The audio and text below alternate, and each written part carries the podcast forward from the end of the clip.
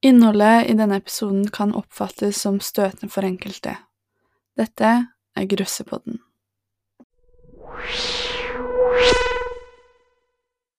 Michelle Summers ble født den 15. januar året 1957. Hun vokste opp i Concord, California, et rolig område hvor hun hadde muligheten til å omgås med mange andre barn. Som ung var hun også svært populær, og det var tydelig at hun var godt likt av mange. Ikke minst var hun utrolig flink på skolen og fikk svært gode karakterer. Nydelig var hun også, noe som kom tydelig frem da hun gjentatte ganger ble kåret til missedronning. Selv i året 1976 da hun ble kåret til Miss Concord. Hun var også en nysgjerrig dame og utnyttet studietiden til å ta ett år i Østerrike men uansett hva hun drev med, var det viktigste kirken. Det var også her hun skulle møte drømmemannen sin, Martin McNeil. Det var som en fantastisk drøm som kom til virkelighet. Etter kort tid gikk dating over til et seriøst forhold, og etter noen få måneder skulle de gifte seg. Likevel valgte de å forlate alt og alle de kjente. Menneskene rundt dem endte opp forvirret og, og skjønte ikke hvorfor de hadde så stor hast i å komme seg vekk men de valgte likevel å akseptere det. Det var også tydelig at Michelles store drøm i livet var å kunne bli mor. Hun snakket konstant om det, og hun fremstilte det som at det var hennes mål og mening her i livet. I løpet av de fem første årene sammen hadde de allerede rukket å få fire barn sammen. Barna hennes har i senere tid beskrevet henne som en fantastisk mor, som alltid stilte opp, uansett hva. Hun brydde seg om alle som befant seg rundt, og var dermed kjent for å være en varm person. Selv med sine fire barn ønsket hun flere, og de valgte dermed å adoptere fire barn fra Ukraina. Martin ble også beskrevet som en god far, som alltid var involvert i livene til sine barn. I motsetning til Michelle var han mer utadvendte, som alltid ønsket å være sentrum i store folkegrupper. Han kunne anses som å være ego, og var svært opptatt av alt det han hadde klart å oppnå i livet. Han var stolt over å være en utdannet lege og en utdannet advokat, og gikk aldri lei av å vise frem sine penger. Dette gjorde likevel at folk flest gikk lei, og så på han som en kontrollerende person rundt andre. Dette gjorde også at barna konstant måtte forsvare sin egen far og forklare at han var annerledes bak lukkede dører. Med alderen dukket også problemene opp. Han ble mer besatt, og Michelles venner fryktet at det ville gå utover henne. De prøvde dermed å advare henne for utviklingen hans. Michelle derimot valgte å ikke ta seg nær av dette og børstet det mer eller mindre av. Hun tenkte også på alle barna de hadde fått sammen. Men da Martin fyller 50, kommer det flere og flere problemer. Han får en besettelse på hvordan han ser ut og begynner å trene mer enn aldri før.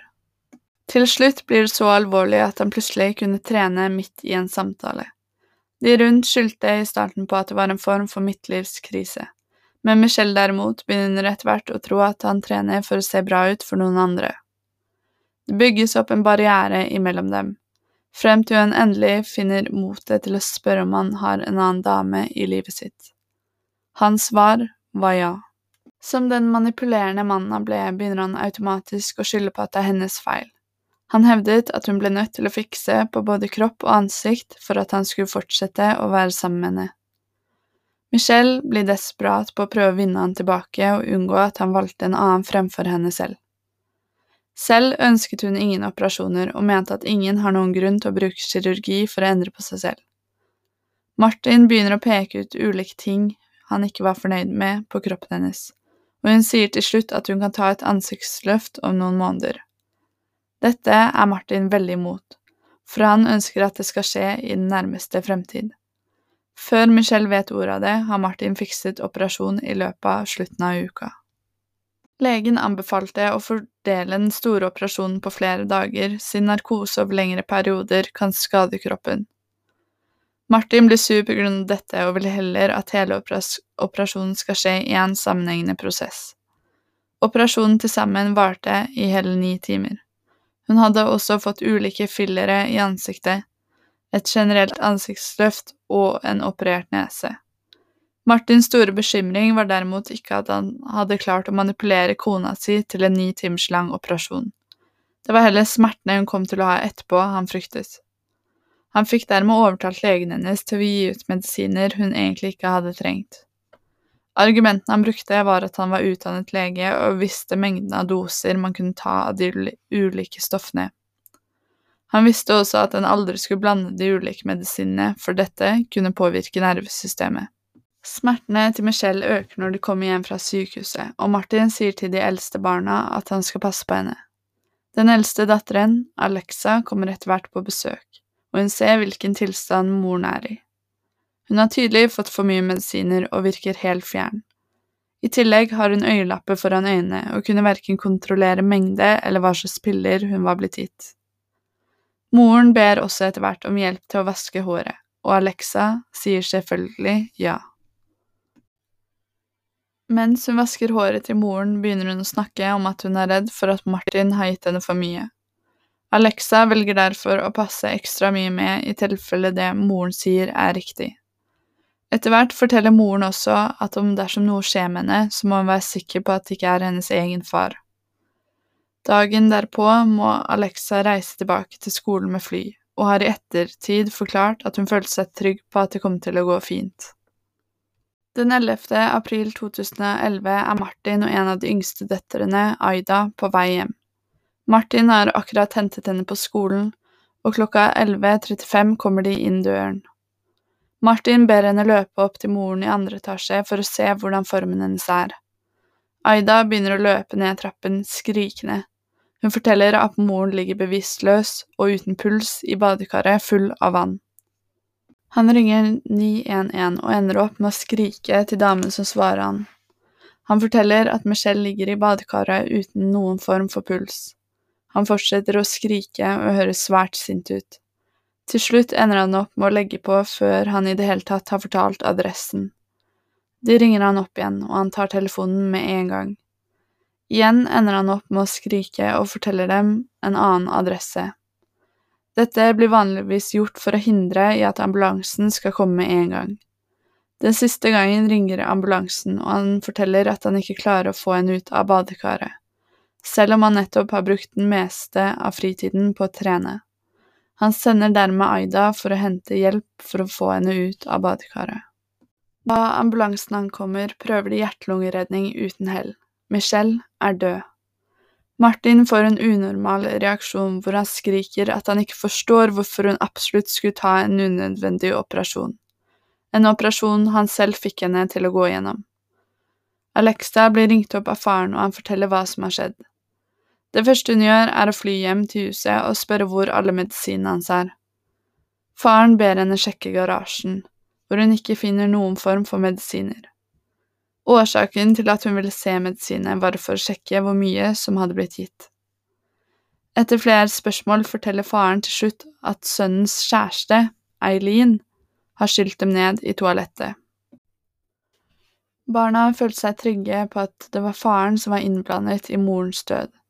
Alexa hadde tidligere snakket med moren angående farens affære. Hun hadde dermed klart å overvåke farens telefonsamtaler og sjekket hvem han stadig ringte.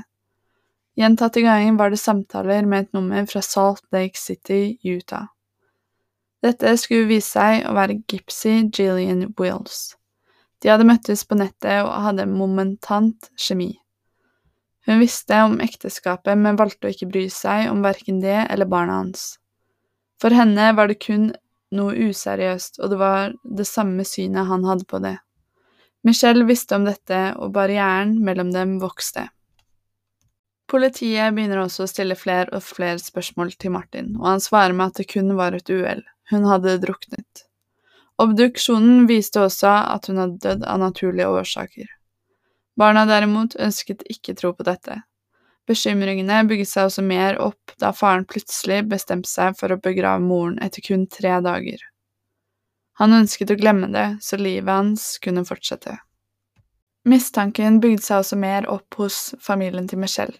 Han velger dermed å nekte dem å komme til begravelsen til deres egen datter. I tillegg truer han med å ringe til politiet dersom de dukket opp likevel. Selv etter tragedien velger faren å invitere Gipsy, damen han hadde vært utro med. Nå kom det også frem at de to hadde vært i en form for forhold i mange år, og det var tydelig at de ikke hadde tenkt å avslutte det til tross for situasjonen. Det var nå kun barna og Martin igjen av familien, og dette var med på å skape problemer. Det var ingen som kunne lage mat eller passe på barna, og han ønsket dermed en barnevakt eller nanny som kunne være der mens han fokuserte på jobben sin. Alexa ønsket å hjelpe han så godt han kunne, og spurte om han kunne flytte hjem igjen slik at hun kunne ta mammarollen. Dette sa han tydelig nei til. Den nye barnepiken skulle være Gipsy. Hun flytter inn i huset, men gjør ingenting for å hjelpe til, med verken mat eller barnepass. Det ble også bestemt at det var på tide at de eldste barna måtte flytte ut. Midt i prosessen bestemmer de seg også for å reise til Utah, slik at Martin kunne hilse på foreldrene til sin nye kjæreste. Han forteller foreldrene hennes at hun aldri hadde opplevd kjærlighet med andre enn deres egen datter før, og at Michelle ikke var hans store kjærlighet her i livet. Selv sa moren at Gypsy var en dårlig person, og at hun til og med hadde bitt henne og etterlatt merker. Dette var en ren advarsel til Martin om at det kom til å bli svært komplisert. Det har nå gått 90 dager siden hans kone ble funnet død, men dette hindrer han ikke i å fortsette å leve livet. Han frir. Dette gjør barna desperate til å finne bevis mot faren. Etter hvert fikk de kontakt med to privatetterforskere i Utah. Doug Whitney og Jeff Robinson. De valgte å se nærmere på Martins fortid og finner ut at alt er basert på løgner. Han hadde klart å komme inn på skole med falske papirer og hadde aldri gått på et college. Likevel klarte han å få en doktorgrad. Han hadde også vært i militæret, men sa at han hadde schizofreni og hørte stadig stemmer i hodet. Som et resultat fikk han månedlige penger av militæret i hele 30 år. Ikke nok med det, han hadde også vært i fengsel for svindel i 180 dager. Nå prøvde Martin også å kvitte seg med sine adopterte barn, og han hadde allerede funnet en annen, annen familie som gjerne ønsket seg dem. Det hele ender med at han klarer å sende den yngste datteren, Giselle, tilbake til Ukraina. Årsaken til dette var at han ønsket å bytte identiteten hennes med Gipsy sin, slik at gjelden hennes ble forgjernet. Michelles søster finner etter hvert ut at Giselle er blitt sendt til Ukraina, og ser ikke annet valg enn å sende sin egen datter på leting etter henne. Her blir hun funnet i et svært dårlig miljø, hvor hun blant annet måtte dele seng med fire andre.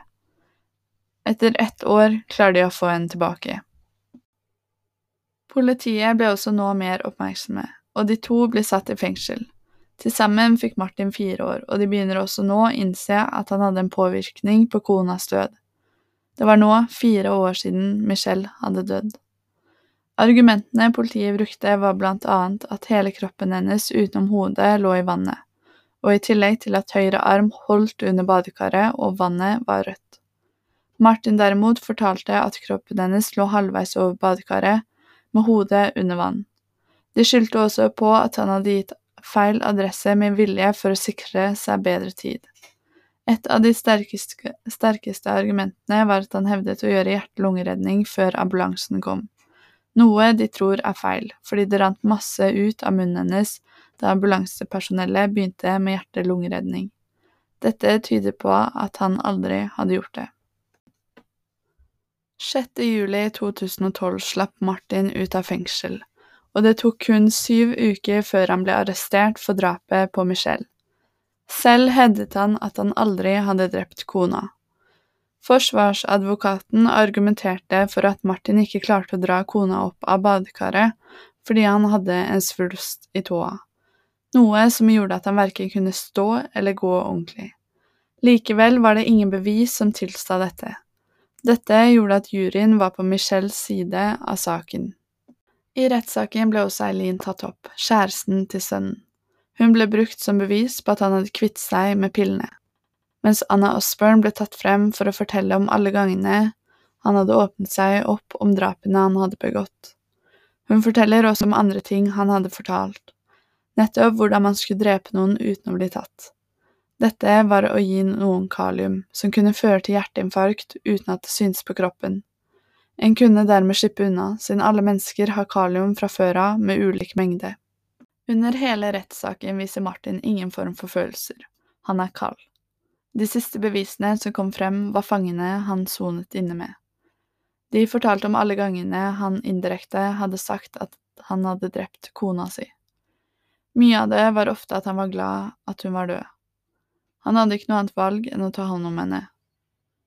19. september 2014 reiser alle i salen seg.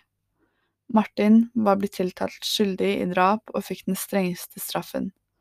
15 år til livstid i fengsel mens Gypsy aldri ble tiltalt for noe på grunn av mangel på bevis. Likevel tror hennes egen familie at hun hadde påvirket Martin til å gjøre det.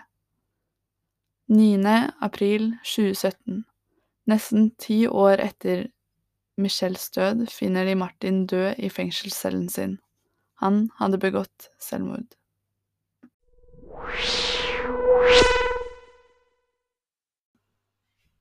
Du hørte nå på Grøssepodden, tekst skrevet av Madeleine Beck Pedersen.